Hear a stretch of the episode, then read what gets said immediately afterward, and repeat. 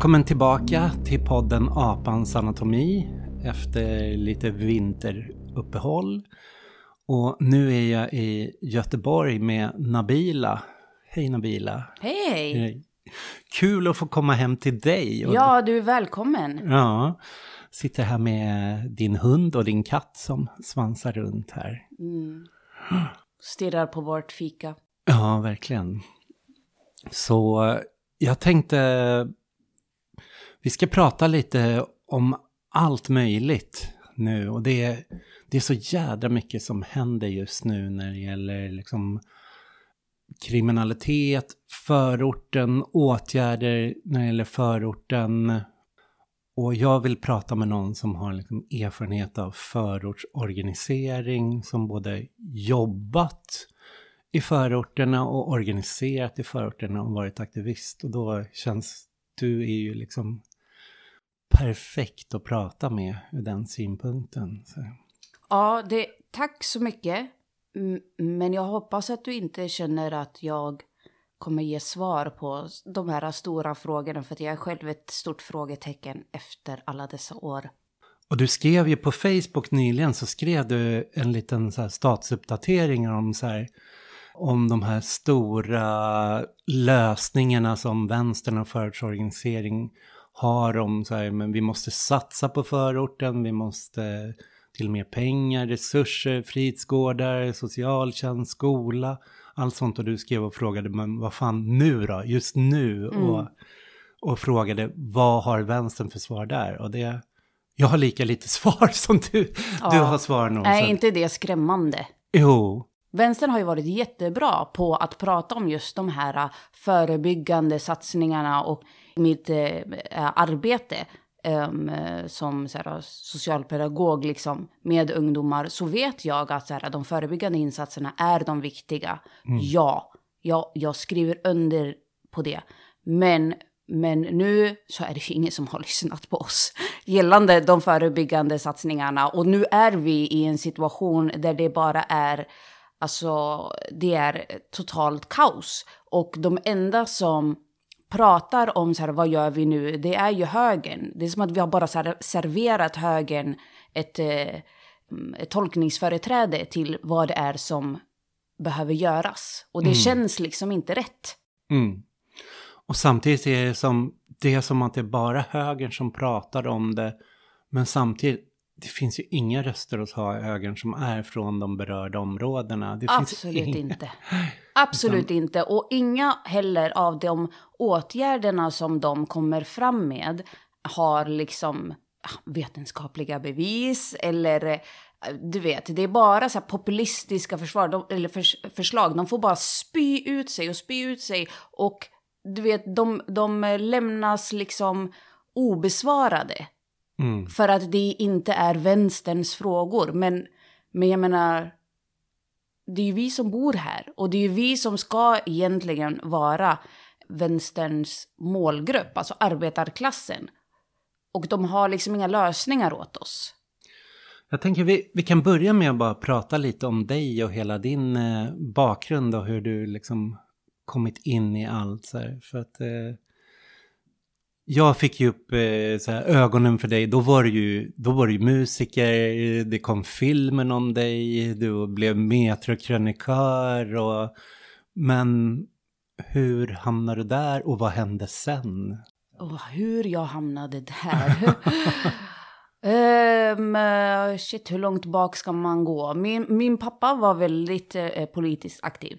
Mm. Eh, han var med i, i så här, kurdiska socialistgerillan under inbördeskriget i Libanon. Ehm, och eh, sen så gick han med i sossarna när vi kom till Sundsvall 84. Och så första maj, det var den heliga dagen. Det var det och Eid. De var liksom Mm. de, de var liksom lika stora. Och sen, så när jag växte upp så började jag också bli så här politiskt insatt. Eh, jag var med i SSU kanske en kvart. För att jag tyckte sen att de var för mesiga. Ja. Eh, men sen när jag flyttade till, eh, till Göteborg så... Hur eh, gammal var du då? då var jag 19. Så jag växte upp i Sundsvall, flyttade till Göteborg för att en av mina kusiner startade företag här. Så att alla åkte ner från Sundsvall till Göteborg som en enda lång karavan och nu bor alla här. Vi har en stor släkt. Och alla jobbade tillsammans på det företaget. Och då fortsatte jag. Mm, Jag hade börjat med musiken lite i Sundsvall. Jag hittade vänner och fortsatte med det här. Sen så blev det Reclaim the Streets skulle ha en fest 2001 under EU-toppmötet. Ja. Som de ville att vi skulle uppträda på. Och det var nog där som den autonoma vänstern och jag hittade en kärlek till varandra. Det. Bland eh, poliskravaller och jag hade med mig min lillasyrra som var, vad fan var hon, kanske 11-12 år. Och vi fick slänga in henne i buskarna för att snuten inte skulle få tag på henne. Och hon var så här, jag vill bara se dig uppträda. Alltså det var kaos. Ja. Eh, Men såklart, alltså alla vi som var med där, det har ju påverkat en på ett sätt som man kanske inte tänker på. Mm. eh, Just de där dagarna. Och sen så fortsatte det med Svartskallebrigaden som vi var med och- startade i Göteborg. Ja, just det. Det fanns i Stockholm också. Just det, det fanns det. Förortskarnevalen som körde. Ja. Farfarn till megafonen brukar jag kalla dem. Ah, the youngins they don't know. Ja, det var stor diskussion. Är finnar svartskallar? Ja, just det. Ja. Och sen så bara rullade det på när jag flyttade till, till Stockholm. Då så startade ju megafonen. Jag var inte med i den, i den starten, men jag kände till dem för mitt arbete med, med ungdomar. Och de var ju liksom ungdomar som jag hade arbetat med när Ja. de var på reaktor i Husby. ja, de kom via reaktor, ja. Exakt. Det var liksom de småttingarna som bara... Ja, det var tider det. Ja, ja. Och så körde de megafonen och det var ju också så här, megafonen var ju namnet att ge en röst åt, röst åt förorten. Precis. Och det startade som en, liksom, som en lokaltidning. Mm. bara. Och sen blev liksom den här äh, rörelsen som inspirerade jättemånga andra rörelser runt om i förorterna i Sverige också. Och vi fick Pantrarna i Göteborg och i Malmö. Det var folk kring, vad var det, Hassela? Ja, precis. Hassela var aktiva där. Det var, nu när man kollar tillbaka, så är det var väldigt, väldigt fina tider, men också så utmattande och så egentligen för mycket för, för förortsungar att ta tag i. Mm. Särskilt efter Husbykravallerna. Mm. För att då blev det en helt annan, eh, en helt annan stämning i landet. Ja. Från att ha setts som så här eh, gulliga förortsungar som vill eh, göra bra grejer till att bli en terrororganisation. ja. Och Husbykravallerna, det var 2013. 13. Mm. Ja. För jag tänker, megafonen växte väldigt mycket de där åren och pantrarna och det fanns gemensamma träffar och det fanns också en så här förortsorganisering som inte bara var miljonprogramsområden utan så här linje 17 och linje 19 som gjorde grejer. Och vi hade ockupationsvåg som var i, ja, i Stockholm var det Aspudsbadet och sen så Rinkebyhuset och Husby träff liksom. Och det blev ett så här Just det.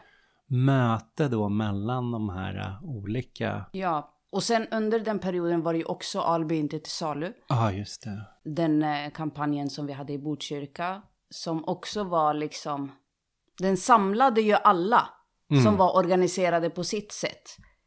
Under den parollen också. Vilket var fint, det var väldigt solidariskt. och Nooshi kom lite den svängen. Ja, det var ju där hon, eh, Ja. det var ju där hon växte upp tänkte jag säga. Under Alby inte till Salem, absolut. Hon var ju, hon satt ju i eh, kommunstyrelsen och i eh, styrelsen för eh, Botkyrkabyggen. För Vänsterpartiet. Och Vänsterpartiet var ju typ de enda som vågade hjälpa till. Mm. Med lokaler, med trycka affischer, med vad som helst. När vi blev helt uteslutna från resten av hela kommunen. Mm. Du sa att du jobbar med ungdomar, vad var det du, var bodde du i Stockholm och vad jobbar du under de här liksom, Under de åren. Ja, Då bodde jag i Skärholmen. Först bodde vi i Flämpan, sen flyttade vi till Skärholmen. Och jag jobbade med, ehm, som fritidsledare och utvecklade verksamheter för ABF i Botkyrka. Mm. I Alby. ja, På, just på Alby fritidsgård, den som är nationellt känd just nu. Tänker vi kan återkomma lite till det sen om, Ja. du, om du vill. Ja. Så, eh, för det blev ju också, megafonen startade i fler delar av Stockholm.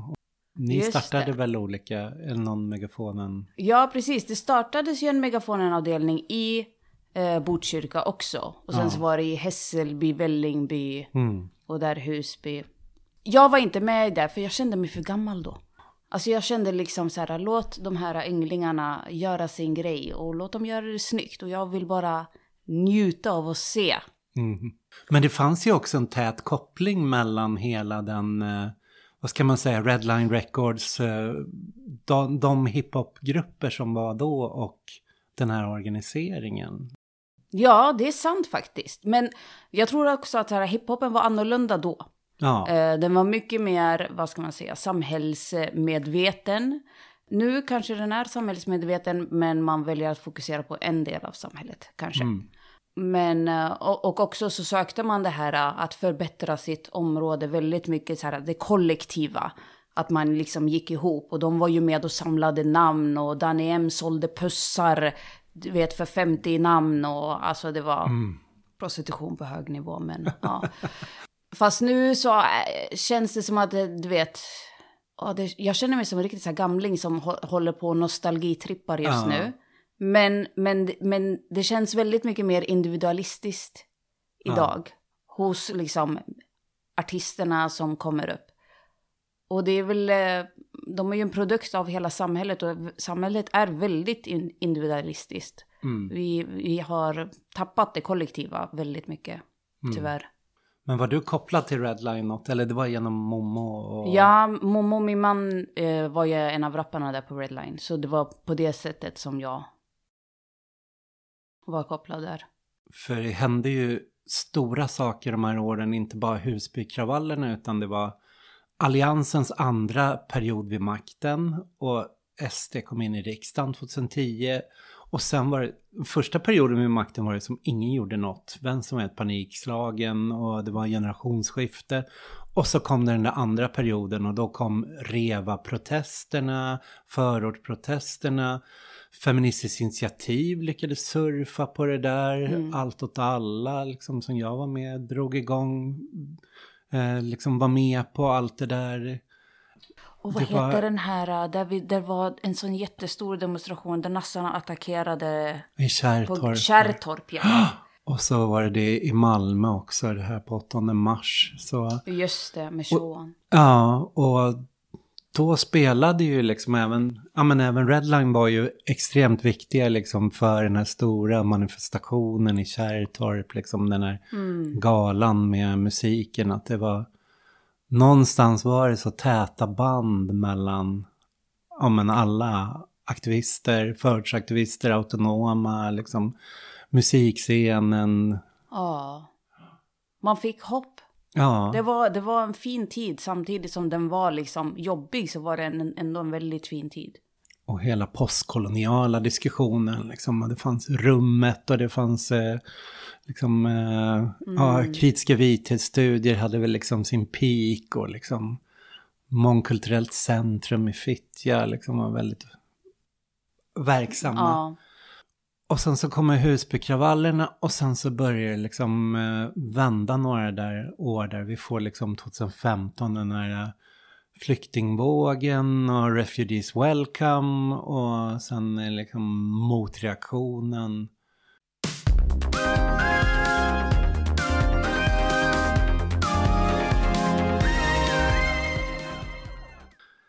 Det har blivit som en så här sanning att det var så här repression som krossade liksom rörelsen de här åren. Och det stämmer ju delvis, men så här, hur var bemötandet från vänstern, från sossarna, från arbetarrörelsen, från folkrörelserna här de här åren? För, Initialt så ska jag nog säga att folkrörelsen var väldigt positiva. För folkrörelsen, eller så här, civilsamhället generellt, håller på att genomgå någon slags förändring. För S- Sveriges civilsamhälle och folkrörelse, de har ju startats upp på en grund där man ska vara till för folket. Eh, därefter så har ju just det folket ändå arbetat sig uppåt. Um, men ändå fortfarande suttit på de här positionerna. Och det, då blev det ju också en diskussion inom de större eh, så här, organisationerna. Um, ABF, uh, Folkets hus och parker. Uh, alla studieförbunden mm. egentligen. Och så här, frivilliga organisationer. Att så här, okej, okay, men ni har liksom inte kontakt med de som är arbetarklassen idag. Mm. Um, Hyresgästföreningen. Och vissa tog åt sig på ett bra sätt. Medan andra var så här, nej men nu hotar ni våra positioner. Uh, och det är fortfarande en diskussion som pågår. Mm. Jag tänker det som händer idag kopplas ju till det som hände då. Exakt. Så det är därför intressant. Precis. Um, uh, vänstern har varit en del av det. Jag kan inte, jag kan inte säga att vänstern har varit på ett visst sätt i alla situationer. Ibland så har de varit en del av där de har förstått problembilden. Ibland så har de eh, inte förstått problembilden. Och sossarna, bror, sossar är sossar vart du än går. Och de har aldrig förstått. Men Alby inte till salu blev ju plantskola för Vänsterpartiet någonstans. De försökte ju verkligen... Tycker du det? Ja men de försökte verkligen suga upp... Plantskola? Nej men att de försökte plocka upp så mycket folk därifrån. Att många, ja men så här, Norsi, Klara Lindholm i Stockholms stad, Anna Herdy, liksom alla de kommer väl någonstans vid Alby och Vänsterpartiet tog ju till och med parollen liksom. Eh, inte till salu. Inte till salu mm. och gjorde till sin valparoll. Mm. Och liksom används, man anställde även folk från eh, megafonen i Husby åt partiet. Och, så de eh, försökte ju liksom någonstans skapa kanaler. Jag kommer ihåg när, när vänstern kom tillbaks till makten och Ann-Margareta Li blev så här stadsborgarråd i Stockholm. Det första hon gjorde var att bjuda in till ett möte där alla stadstidsorganisationer var välkomna att komma. Och liksom eh, mötas och snacka med henne. Mm. Eh, jag höll ju på då med det här. Jag hade en lokal i Vallatorg i Årsta som är, vad ska man säga, miljonprogramshusen i liksom flådiga Årsta. Liksom. Det är liksom mycket fattigpensionärer, liksom äldrepensionärer som bodde där. Och det skulle de ju lyxrenovera upp. Och vi gjorde en ockupation av en lokal där en proteströrelse och vi hamnade ju i clinch med, med Vänsterpartiet då som då var nya liksom. Eh, varför? Jo men de hade ju fått komma vid makten och satt då som stadsborgarråd och skulle genomföra det här. Det skulle bli en så uppvisning i smart cities, ekologisk, det, men det skulle bli en lyxrenovering av området så de boende skulle inte flytta in igen. Så, så det var ju lite så här, från att ha varit jättebra kontakter blev det lite tjaskiga relationer där, men det som skedde i många ställen var att eh, Hyresgästföreningen. Vi hade de här konferenserna, bostadsvrålet som var mycket... Ja, just det. Och de pågår ju fortfarande, men där man försökte verka i Hyresgästföreningen och utanför Hyresgästföreningen och radikalisera Hyresgästföreningen. Och de öppnade upp mycket, men så kom det till en punkt där då de sparkade ut linje 19 i sina lokaler och samtidigt sparkade de ut de här grammofonen, fortsättning på megafonen i Hässelby. Så att det från att vara öppna dörrar här i Nyckelknippan kom in använd våra lokaler, sökt pengar genom ABF, ABF kunde anställa. Så började det där liksom vända där mm. någon gång liksom. Ah, det är så typiskt. Jo, men jag ser det hela tiden när de liksom, de ville ju credda dem på det, på det här momentumet som, som eh, de unga hade skapat. Men sen när man kommer in i organisationen och vill förändra inifrån så blev det, då blev det ett stopp. För då var det ju positioner som hotades. Mm. I, I Husby så var det ju en ung muffare som blev den här rösten mot eh, megafonen en ung muffare som hette Hanif Bali som var liksom, gjorde sin debut där. Och han var ju, jag kommer ihåg, det han inriktade sig mot var ju så här, ni representerar inte er ort. Så här, det, var, Nej, just det. det var det som var det de skulle säga, att, eh, att det fanns för mycket röster från orten då. Och det de högen behövde bemöta var att säga att men det är inte ni, ni representerar inte de här grejerna. Så mm. Mm. Det är oh, också en sån där kontrast mot det som sker idag då man nästan inte hör några röster från... Alls. De har Nej. dödat alla. Och allt det här liksom, vem representerar orten? Det finns liksom inte längre. Och, Nej. Och jag tror att det är kanske så de vill ha det.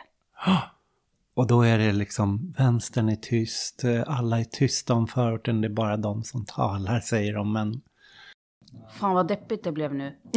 ja, men det, ja, jag tänker Gud. så här, det Ja. finns ju häftiga grejer som skedde som uh, Nyhetsbyrån på Järva. Järva. Ja. Jättefin. Jättebra. Ja, det är så peppande grej. Men ja, det, det jag saknar är den här äh, radikala rösten. Ja, Som de ändå kunde liksom stå för. ja. Gamla megafonen-folket i Husby, de har ju blivit gamla nu och kör eh, Husby, ar- de har det här Husby socialt center, arbetarcenter där de kör mycket lokala protester och de har ju, ja men både Husby och Alby var ju drivande och går i bräschen för det här mot lyxrenoveringar och pennygången här i Göteborg som, som sen har liksom sker i förort efter förort just nu. Så att det var ju... Men de här, du, du började liksom, då, då jobbade du först i Skärholmen. Men vad är det för olika grejer du jobbade med då där med ungdomar? Och, Alltså jag har arbetat som fritidsledare, um, utvecklat nya verksamheter, um, um, arbetat i olika projekt med, med unga, varit med och gjort en studie om hur icke-organiserade ungas inflytande kan komma in i beslutsfattning. Alltså sådana saker. Det var väldigt mycket fokus på, på ungdomar i orten mm. i olika former. Kan man väl säga. och då var det liksom kommunen eller ABF eller liksom vilka jobbade Ja, det du? var, alltså, jag har jobbat så jävla mycket. Lite åt ABF, någon gång åt kommunen. Mm. Sådär. Och i Botkyrka, hela den här satsningen som ABF gjorde med, med fritidsgårdar. Var du med när den kom igång så att säga? Och Nej. känner till historien kring Ja, hur det... alltså när jag kom in, jag började jobba där 2010. Då fanns det en fritidsgård i Alby. Och den, Botkyrka har ju den här grejen att de upphandlar, eller de lägger ut fritidsgårdarna på upphandling. Sen så är det olika föreningar och ideella organisationer eller studieförbund som säger okej vi kan ta hand om den här verksamheten. I Storvreten i Tumba så hade man ett tag en, ett seglar, en seglarförening som drev fritidsgården. Alltså det var, ja, det kan man ju tycka vad man vill om.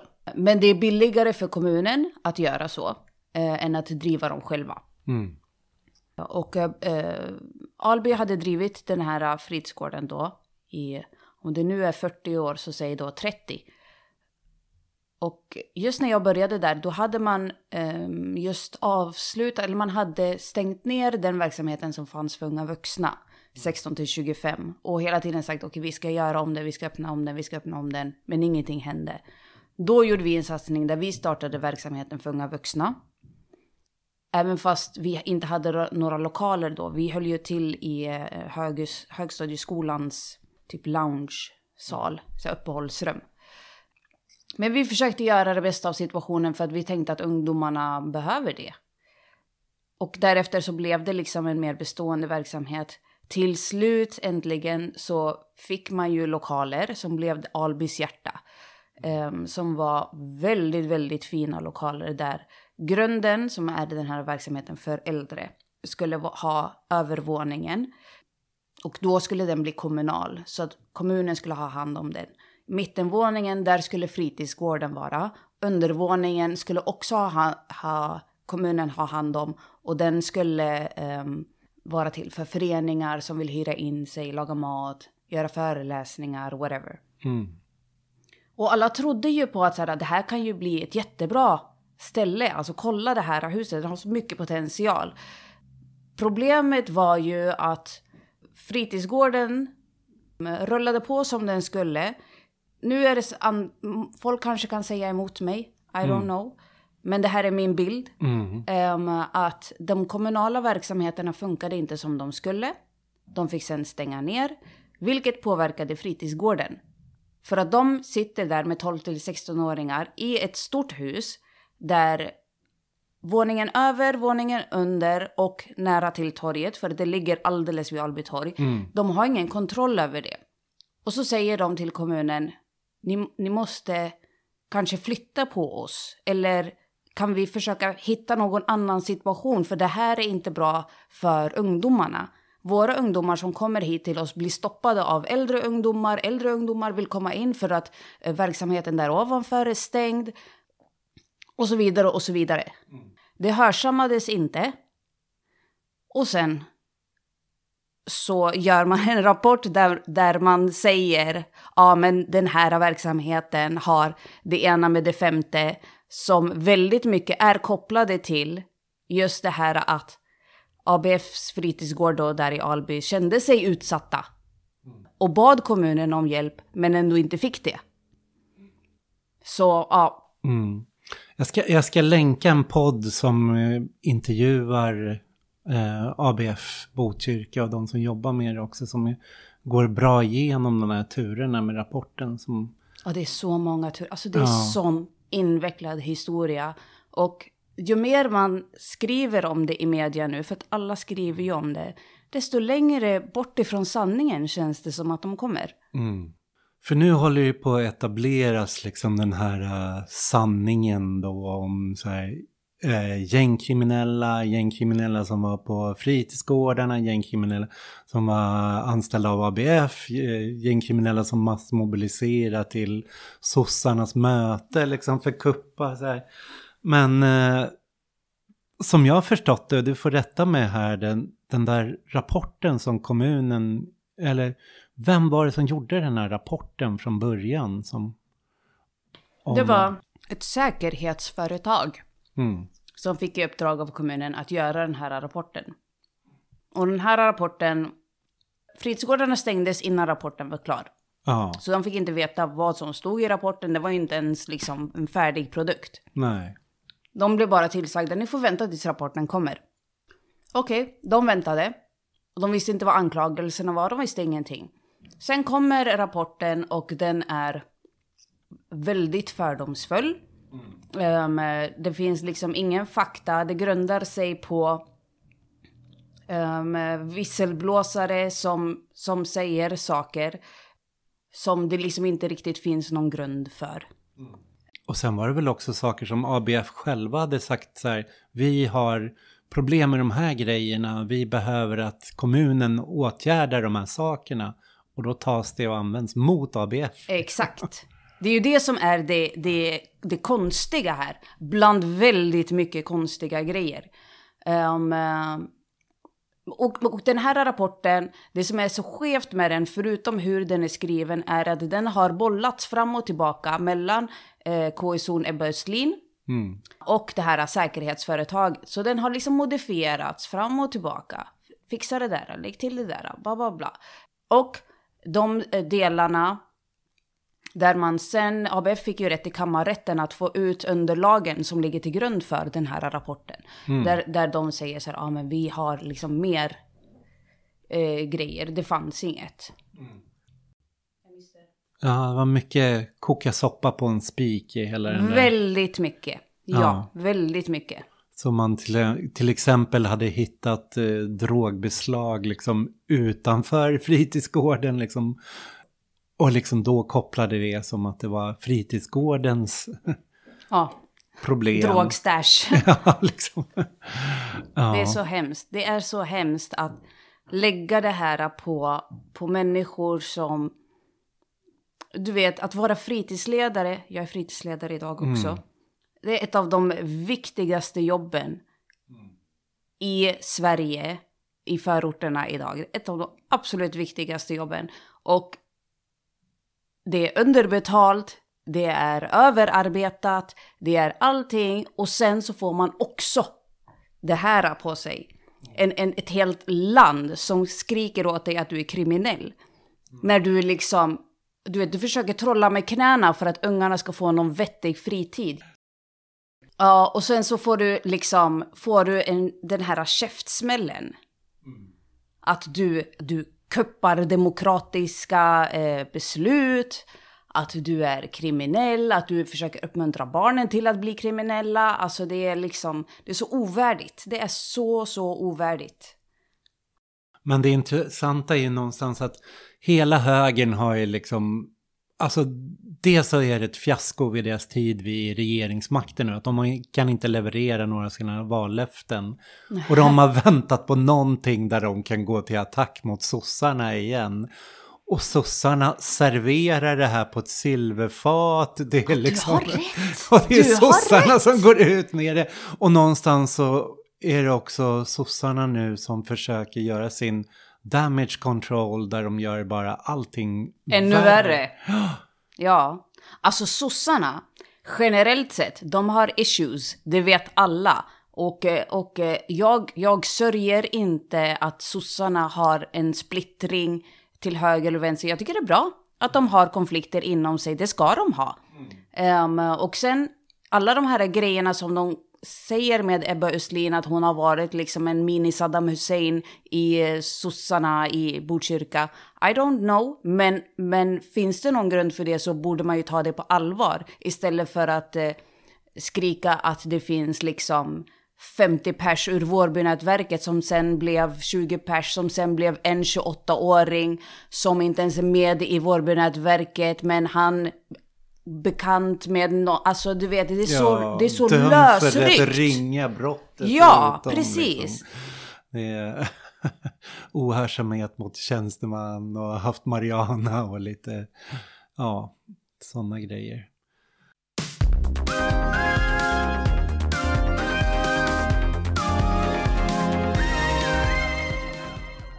Det du skrev i din Facebook-status där att vänstern är bra på att leverera de här långa förslagen och långa åtgärderna och det har ju också handlat mycket om att så här styra om satsningar, öppna fritidsgårdar, mer pengar till skolor, mer pengar till socialtjänst, liksom mer verksamhet, stärka civilsamhället.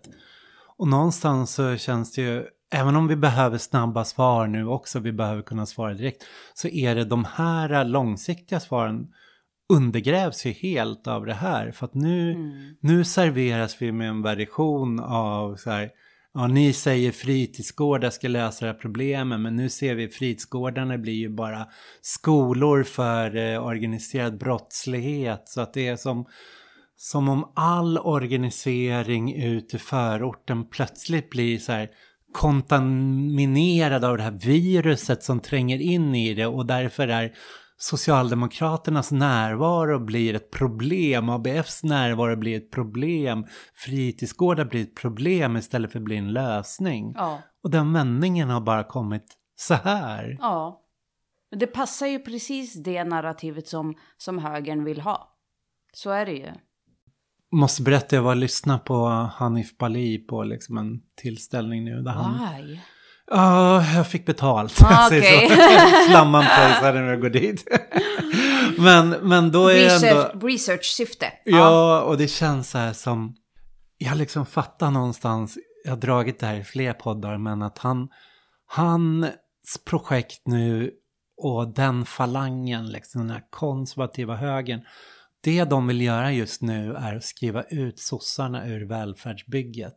Mm. Och de säger liksom att men Sverige har en historia av eh, etniskt homogent och det skapade etniskt homogent samhälle av fria bönder med, som var högre organiserade. Och man bildade nykterhetsföreningar och lokala bygdegårdar och att man säger om att välfärden har växt fram ur det här. Och det bygger på en stor hög av tillit. Sossarna har inte något mer att göra. Och sen kommer sossarna på liksom 50-60-talet skapar det mångkulturella samhället, då undergrävs hela den här tilliten. Det kommer in folk som bara plockar bidrag, lever på bidrag. Och då måste man sätta in en jättestor kontrollapparat överallt. Och då blir det jättekostsamt och då går det inte att driva längre. Så enda sättet att få tillbaka den här tilliten, det vill säga att ha välfärd, det är att slänga ut alla liksom. Så här.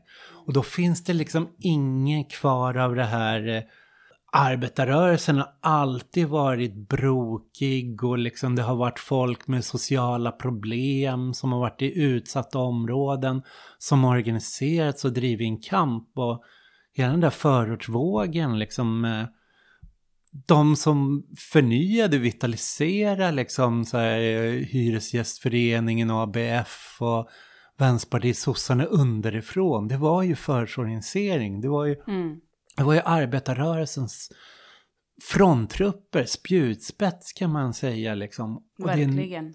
och nu för man krig mot dem och sossarna köper någonstans det här och för krig mot sina egna, liksom det som höll på att förnya och vitalisera. Och det ses liksom med den här motiveringen att det är kriminell infiltration. Det här är gängsamhället som tar sig in i liksom arbetarrörelsen underifrån. Så här. Och det är sant. Jag har inte tänkt på det, men det är ju så sant. Ja. Ja, det var redan så under Rosengårdkravallerna, så den här Rosengård-rapporten som blev så himla kriminaliserad, Ja, den. Magnus Ranstorp, att de fick dra tillbaks. Där var det ju också så här bara, de intervjuade inte en enda röst från lokalsamhället Nej. Utan det var bara polis, skola, socialtjänst, anonyma vittnesmål som direkt brändes upp efteråt. Och alla beskrev det som att de befann sig i ett krig, de var frontlinjen ut i det här ockuperade.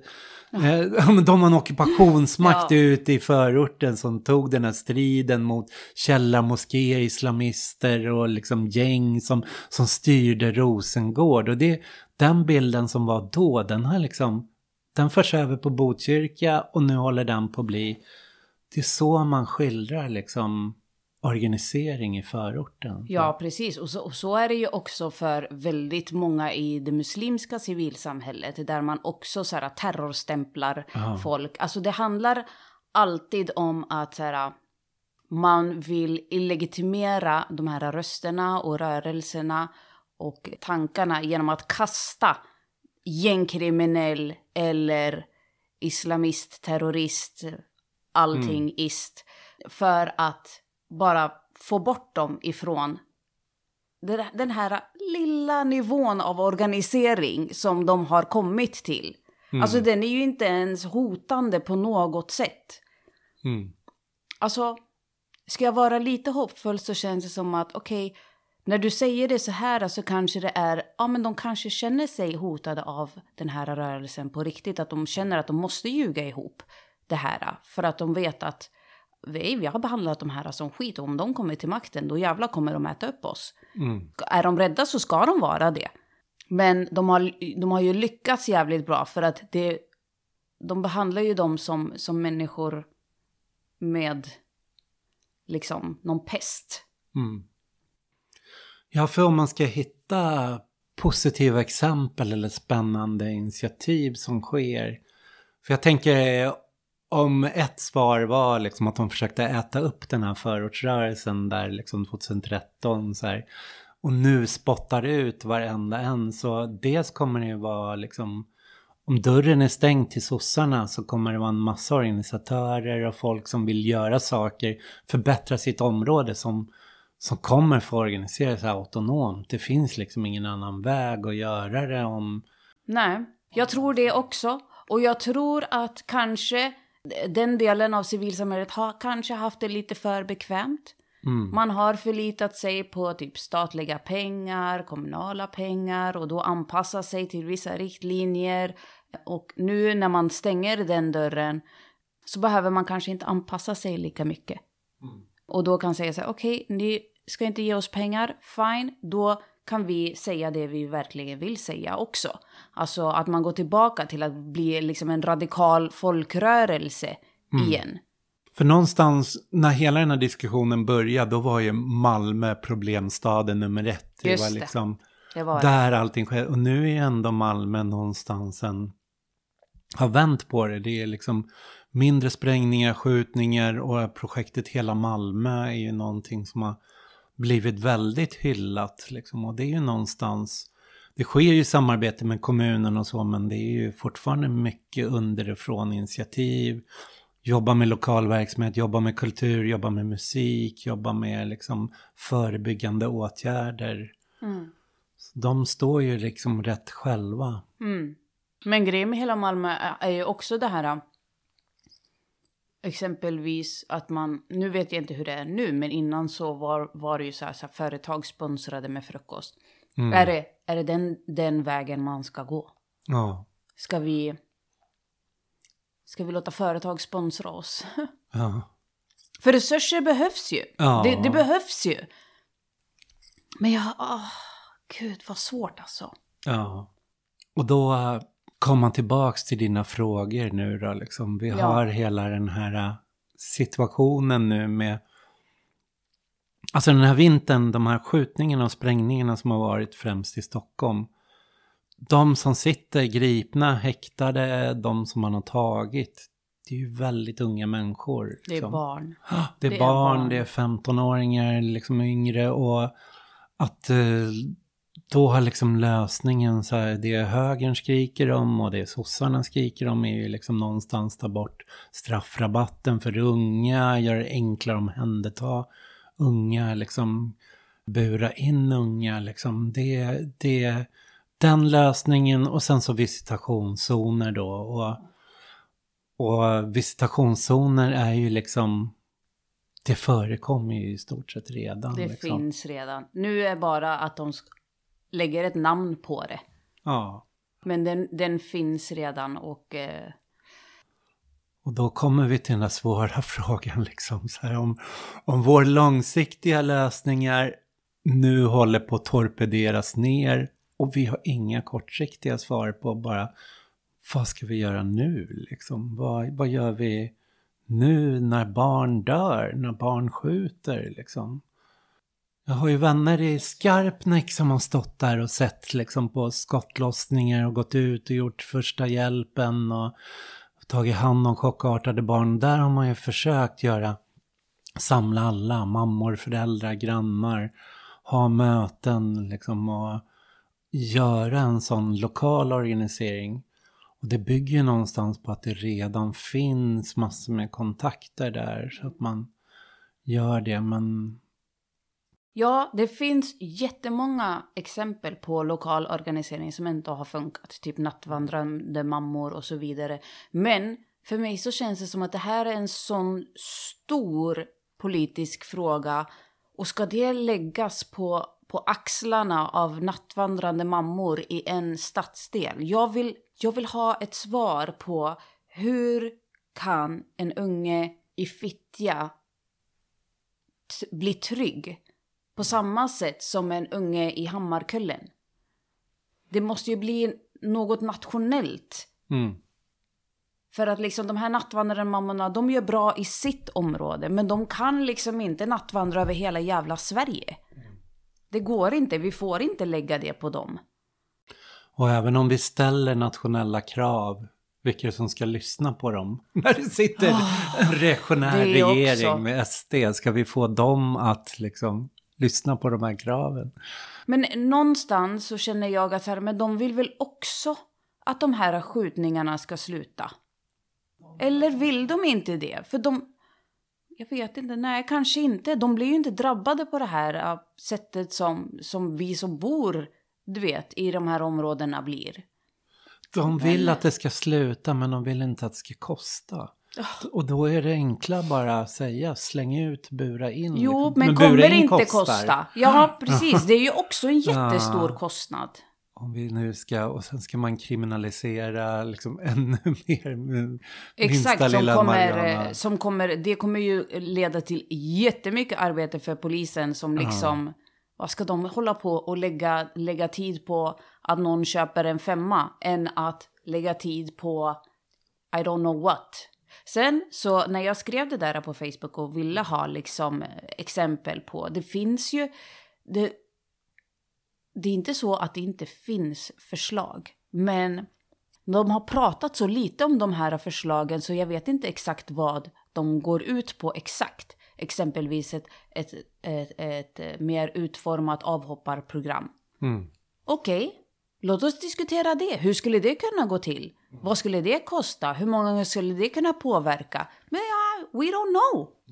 Alltså det är liksom som att vi famlar i mörkret efter lösningar och vi har, vi hittar små saker men sen vi går inte vidare med det. Jag har funderat på en sak och det är, jag känner det här, jag är på djupt vatten nu liksom och killgissar liksom helt. Men ja, det... det hela den här podden är väl en killgissning. ja, ja, verkligen. Det är det. Någonstans får man börja också.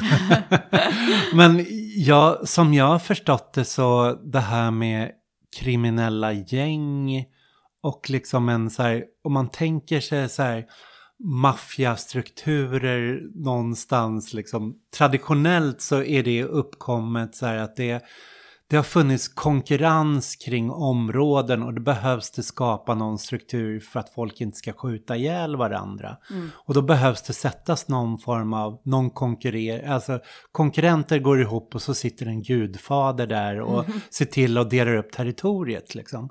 Som i, i Köpenhamn har man, drogmarknaden har helt kontrollerats av Hells Angels. Och de har liksom kallats facket internt av, för att det har försäljarna något problem, då går man till facket. Då går man till Hells Angels och säger, nej ni får sälja där, ni får sälja där, ni får sälja där liksom. Och ni håller borta från Christiania liksom. Mm. Och sen så, så löser de de konflikterna liksom. Men med en kriminalisering och med utslagningen av Hells Angels så finns det ingen sån det finns ingen så här, de har, nej, de har ingen gudfader, de har ingen mm. fack, de har ingen som kan skapa en intern ordning. Då blir det konkurrens om territorier. Och ju mer man har gått in och liksom knäckt krypterade chattar och börjat gripa folk liksom i de här hierarkierna, desto större blir också gatukonkurrensen någonstans. Så att man har en större och större konkurrens om territorierna, det finns liksom inga strukturer kring det. Och att vi idag kanske till och med är så att det handlar inte ens om gäng, det handlar inte ens om gängkonflikter utan det är liksom en eh, slags, eh, vad ska man säga, en, ehm, en sorts eh, miljö, subkultur, attityd liksom som handlar om alla vill någonstans bli något, göra karriär, tjäna cash och då gäller det att bygga sitt varumärke. Att jag är locos, jag är jag är galen, jag kan göra de här grejerna, ger du på mig då skjuter jag liksom. Och att det nästan har blivit så här konflikter som är på individnivå där de som skjuter varandra känner varandra, de har liksom personliga liksom bifar hit och dit och det mm. går inte längre att säga att men det... Det handlar om territorier och det handlar om, om försäljning och det, ja. nej, det är för enkel eh, det, kanske ja, inte ens med. är Vårbynätverket eller liksom mot dem och dem och dem utan det är därför det liksom så här bara skjuter kors och tvärs över hela Stockholm mm. nu. Liksom att det, det är inte längre knutet till några orter, några gäng, utan Nej. det är en... Och jag tror att sådana här konflikter har ju alltid funnits, den här liksom kränktheten, bla bla bla. Men den i kombination med hur samhället ser ut idag, i kombination med en extrem lätt tillgång till dödliga vapen. Mm. För förr i tiden så blev det ju fortfarande sådär att folk kunde bli attackerade. Men eh, jag vet inte om du minns, men då liksom så här, i början när jag jobbade i Alby mm. så var det en, en kille som blev skjuten som eh, hette Sidi. Mm. Och han, han blev skjuten i ryggen och, och dog, men han, de som dödade honom, det var ju meningen att de skulle träffa i benet. För att, mm. du vet, förr i tiden då, då sköt man i benet. Ja. Um, för att det räknades som var, vad heter det?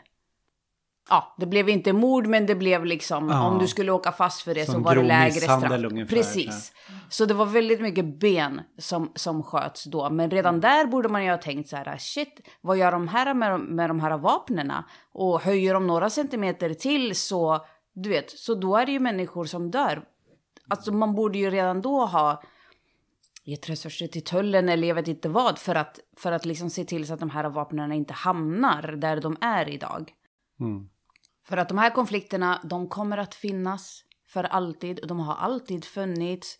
Men när de finns samtidigt som tillgång till vapen och att man har hittat det här kryphålet att man skickar, man skickar barn för sina egna konflikter. Det är som ett proxykrig liksom.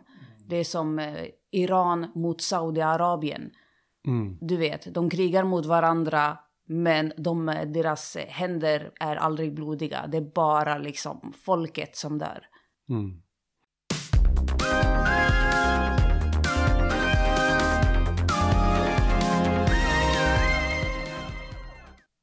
Vad är det du jobbar med idag? Liksom? Du... Nu uh, jobbar jag som fritidsledare. Ja. I, uh, i Hammarkullen igen. Ja, tillbaks till... Tillbaks. Det känns fint och det känns viktigt och det, det är jobbigt. Det är andra tider nu. Ja. Det är mycket, mycket um, hårdare klimat. Men du jobbade i Hammarkullen förut också, eller du Ja. bodde i Hammarkullen? Och Jag bodde och jobbade i Hammarkullen. Jag bodde en kort sväng i Hammarkullen bara. Asså? Ja, i Somaliehuset. Ett halvår bara bodde jag där. Okej, jag bodde framför det huset. Ja, vad kul. Ja, så jag var ju på karnevalen och liksom såg allting. Så här. Men, men på vilket sätt är det hårdare? Är det liksom, eh, hur märker du, vad märker du för förändringar när du från att varit där, åkt iväg och kommit tillbaks liksom? Det är mycket mer press på unga att se ut på ett visst sätt, att ha en viss eh, standard i kläder och så vidare. Um, man jämför sig med många andra. Jag vet inte om det är så här att sociala medier har blivit större, att liksom så. Och att man, eh, tyvärr, att eh, människor som håller på med kriminell verksamhet har lyckats jättebra, det måste jag ge dem, med att förmedla en alternativ bild till ungar i förorten. Att säga så här, du vet, du kan ta det här svenska samhället och köra upp det någonstans. Vi vill inte ha det, vi vill inte vara en del av det. Ni har aldrig velat ha oss. Nu skapar vi våran egen värld och kolla här vad vi kan tjäna pengar och kolla här vad vi kan få de här kläderna och du vet leva den här livsstilen. Och de har ju gjort, alltså det, det, de har gjort bra PR helt enkelt. Och den vägen är så jävla enkel för barn att ta idag. För att, alltså så här den här synen på just individuella ehm, och du ska, du ska ha pengar. Det är väldigt mycket så här äh, kapitalism, du vet. Eh, mycket mer än vad det var förut, känner jag. Jag läste Tobias Hübinette skrev en så här på samma sak på Facebook. Han liksom skrev om sin erfarenhet av så här mångkulturellt centrum och i Fittja och det jobb han gjorde med när han var ute och gjorde intervjuer på fritidsgårdar i Botkyrka. Hans syn var lite så här, men det finns driftiga människor liksom som är en slags lokala entreprenörer som är med och drar igång saker och ting. Som drar igång liksom eh, sociala protester eller verksamheter. Men att han bara, men det finns inga vattentäta linjer mellan dem och eh, vad man ska säga ungdomar som begår brott liksom. Att det driftiga människor är driftiga människor och liksom det, det kan liksom hamna på båda sidor om lagen och det kan också stå med en fot på varje sida av lagen och så. Det svåra i men som kraven som är nu, att det måste vara vattentäta skott. Liksom. Man får inte involvera några som har en kriminell historia eller bakgrund. Man ska hålla koll på de som kommer, om de har en kriminell historia eller var inblandade i. Det kräver ju en oerhörd kontrollapparat och det är också någonstans helt far out från hur realiteten ser ut. Liksom vad folk... Någonstans eh, har väl vänsterns projekt alltid varit så här. Vi har försökt eh, bygga ett helt samhälle med trasiga människor någonstans. Här. Men just de där trasiga vill vi inte ha. ja, faktiskt. Ja. Jag håller verkligen med dig. Och det, om man aldrig har vuxit upp i eller varit i orten så har man kanske svårt att se det. Jag, jag vet inte. Ja. Men för mig så är det en självklarhet att så här, människor som jag har vuxit upp med, du vet, om de slutar eller om de inte tar den lagliga vägen, om de väljer att ta andra beslut, betyder det att jag helt och hållet ska säga upp vänskapen med dem om vi bor grannar? Alltså det kan ju vara sådana saker att folk har skakat hand med någon som sen har gått och sålt knark eller whatever och då blir man ihopkopplad med de här kriminella. Eller du har en kusin som, mm. du vet, ska du belastas då för vad din kusin gör? Alltså mm. du vet, orten är mycket mindre än vad man tror. Och man kan inte, du kan inte stå till all ansvar för vad, vad alla dina barndomsvänner gör. Det skulle ju vara kaos om man skulle behöva göra det. Och det farliga i det är att man då sållar ut alla de som har en erfarenhet av att ha vuxit upp där och förstår området och vill arbeta med området för att man är rädd att de har för mycket connection med kriminella rörelser eller whatever. Mm. Och då, vem är det som ska komma in och arbeta då? Som jag har fattat det så i Malmö, den här Sluta skjut-kampanjen, det, det bygger ju mycket på liksom förebyggande intervention där man försöker använda civilsamhället.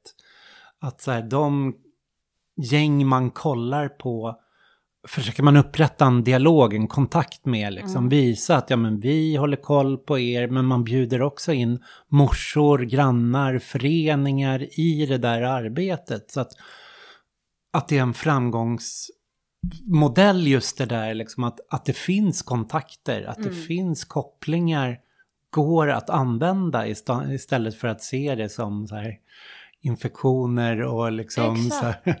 Och för att komma tillbaka till Botkyrka igen. Om det hade varit människor från Vårbynätverket som hade suttit på ett sossemöte i Botkyrka. Hade det varit så dåligt? Vill vi inte få in människor som har felat i livet in och fatta hur demokratin funkar? Är det inte det som är syftet med vårt samhälle? Att vi ska ge chans till människor att utvecklas? Mm. Eller ska vi stänga dem ute i all evighet? Då är det ju vi som skapar det här parallellsamhället som vi säger oss inte vilja ha. För det finns väl en skräck eh, för hela Södertälje-exemplet mm. där, där det ändå är i fastighetsbranschen, i hemtjänsten, att det liksom finns eh, kriminella strukturer in i det och de har ju snarare koppling in i Moderaterna och liksom Kristdemokraterna. Ja, det kan liksom... du säga till dem och rensa sina egna led. Jo, de nätverken så här, men där är det ju så de ekonomiska intressena liksom så här, mellan vad, vad som är lagligt och vad som är olagligt, där har det blivit en flytande zon. Att du, du kan skaffa dig liksom viss eh, svart kriminellt kapital men det investerar du sen i, liksom, i kommunen, mm. får viss makt inom kommunen och liksom, men det är ju en helt annan väg liksom än uh, kids som hänger på fritidsgårdar eller någon som går med ja. liksom Vad är deras ekonomiska sossarna. vinst för att ja. de röstar bort Ebba Östlin liksom? Nej visst, det, finns, det går inte att jämföra på det sättet. Men, men nu har det ju utmålats som det här är Södertälje 2.0 med sossarna som, som frontlinjen i det liksom. Ja, och jag har absolut ingenting emot att man sparkar på sossar ett tag. Kör! Gör det dig glad? Absolut. Sossar ska granska sig själva och, och ska bli granskade. Men, men jag menar, håller till sanningen. Ja. För nu används, används liksom den här äh, kriminalitetsstämpeln på ett på ett helt fel sätt. Och jag tror eh, vi behöver en ny våg av megafonen, eh, pantrarna bland unga. Men vi måste också, kommer det komma en sån ny våg? Fan vad skit de kommer få för att det kommer Aj. finnas sådana kopplingar liksom. Och att det, det blir tanke på hur, hur pantrarna här, det var liksom i Göteborg, det, det var ju liksom det fanns ju pantrar som åkte, liksom blev mobiliserade av IS. Det fanns pantrar som dog i skjutningar. Det fanns pantrar liksom som... Man tog ett beslut så här, sälj Mariana men sälj inga tyngre droger här mm. liksom. Mm. Och det där, just då så gick det och, kanske att göra, men de fick ju skit. De fick ju så jävla mycket skit för det då. Och idag skulle en sån organisering nog nästan inte vara möjlig. Liksom. Nej. Och frågan är, vi som är lite äldre, vi vill, vill vi utsätta dem för det? Alltså mm. vi hoppas ju på att en sån rörelse ska komma till liv, men vill vi, alltså vill vi utsätta den yngre generationen för det? Vad är det som behövs då? Är det en eh, pantrarna för morsor liksom? Eller vad är det som vi skulle behöva? Alltså, Så, så att det inte är kidsen som får ta den här striden liksom. Det måste ju vara...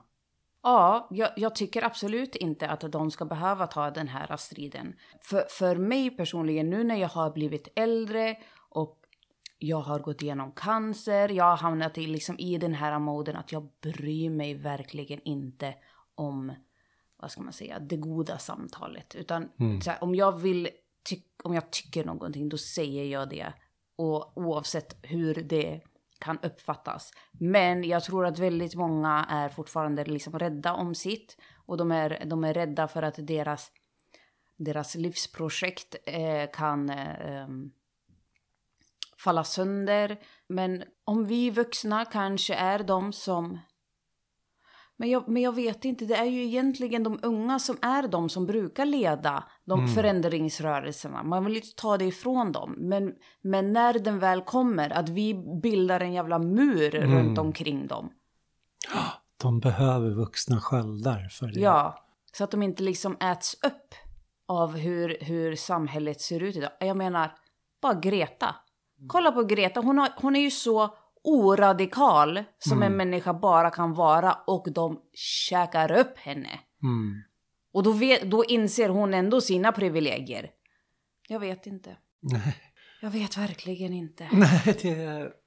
Man vill avsluta en sån här podd med ett positivt budskap Ah. och liksom så här, Jo, men det gör- positiva gör det. budskapet det- är ju, vi måste vara deras sköldar. Mm. När de väl växer upp eller, eller organiserar sig, då är det vi gamlingar som, som måste liksom backa dem. Ja, vi får ta det lite som sista ord om det inte är Ja. något. Det var ett bra sista ord.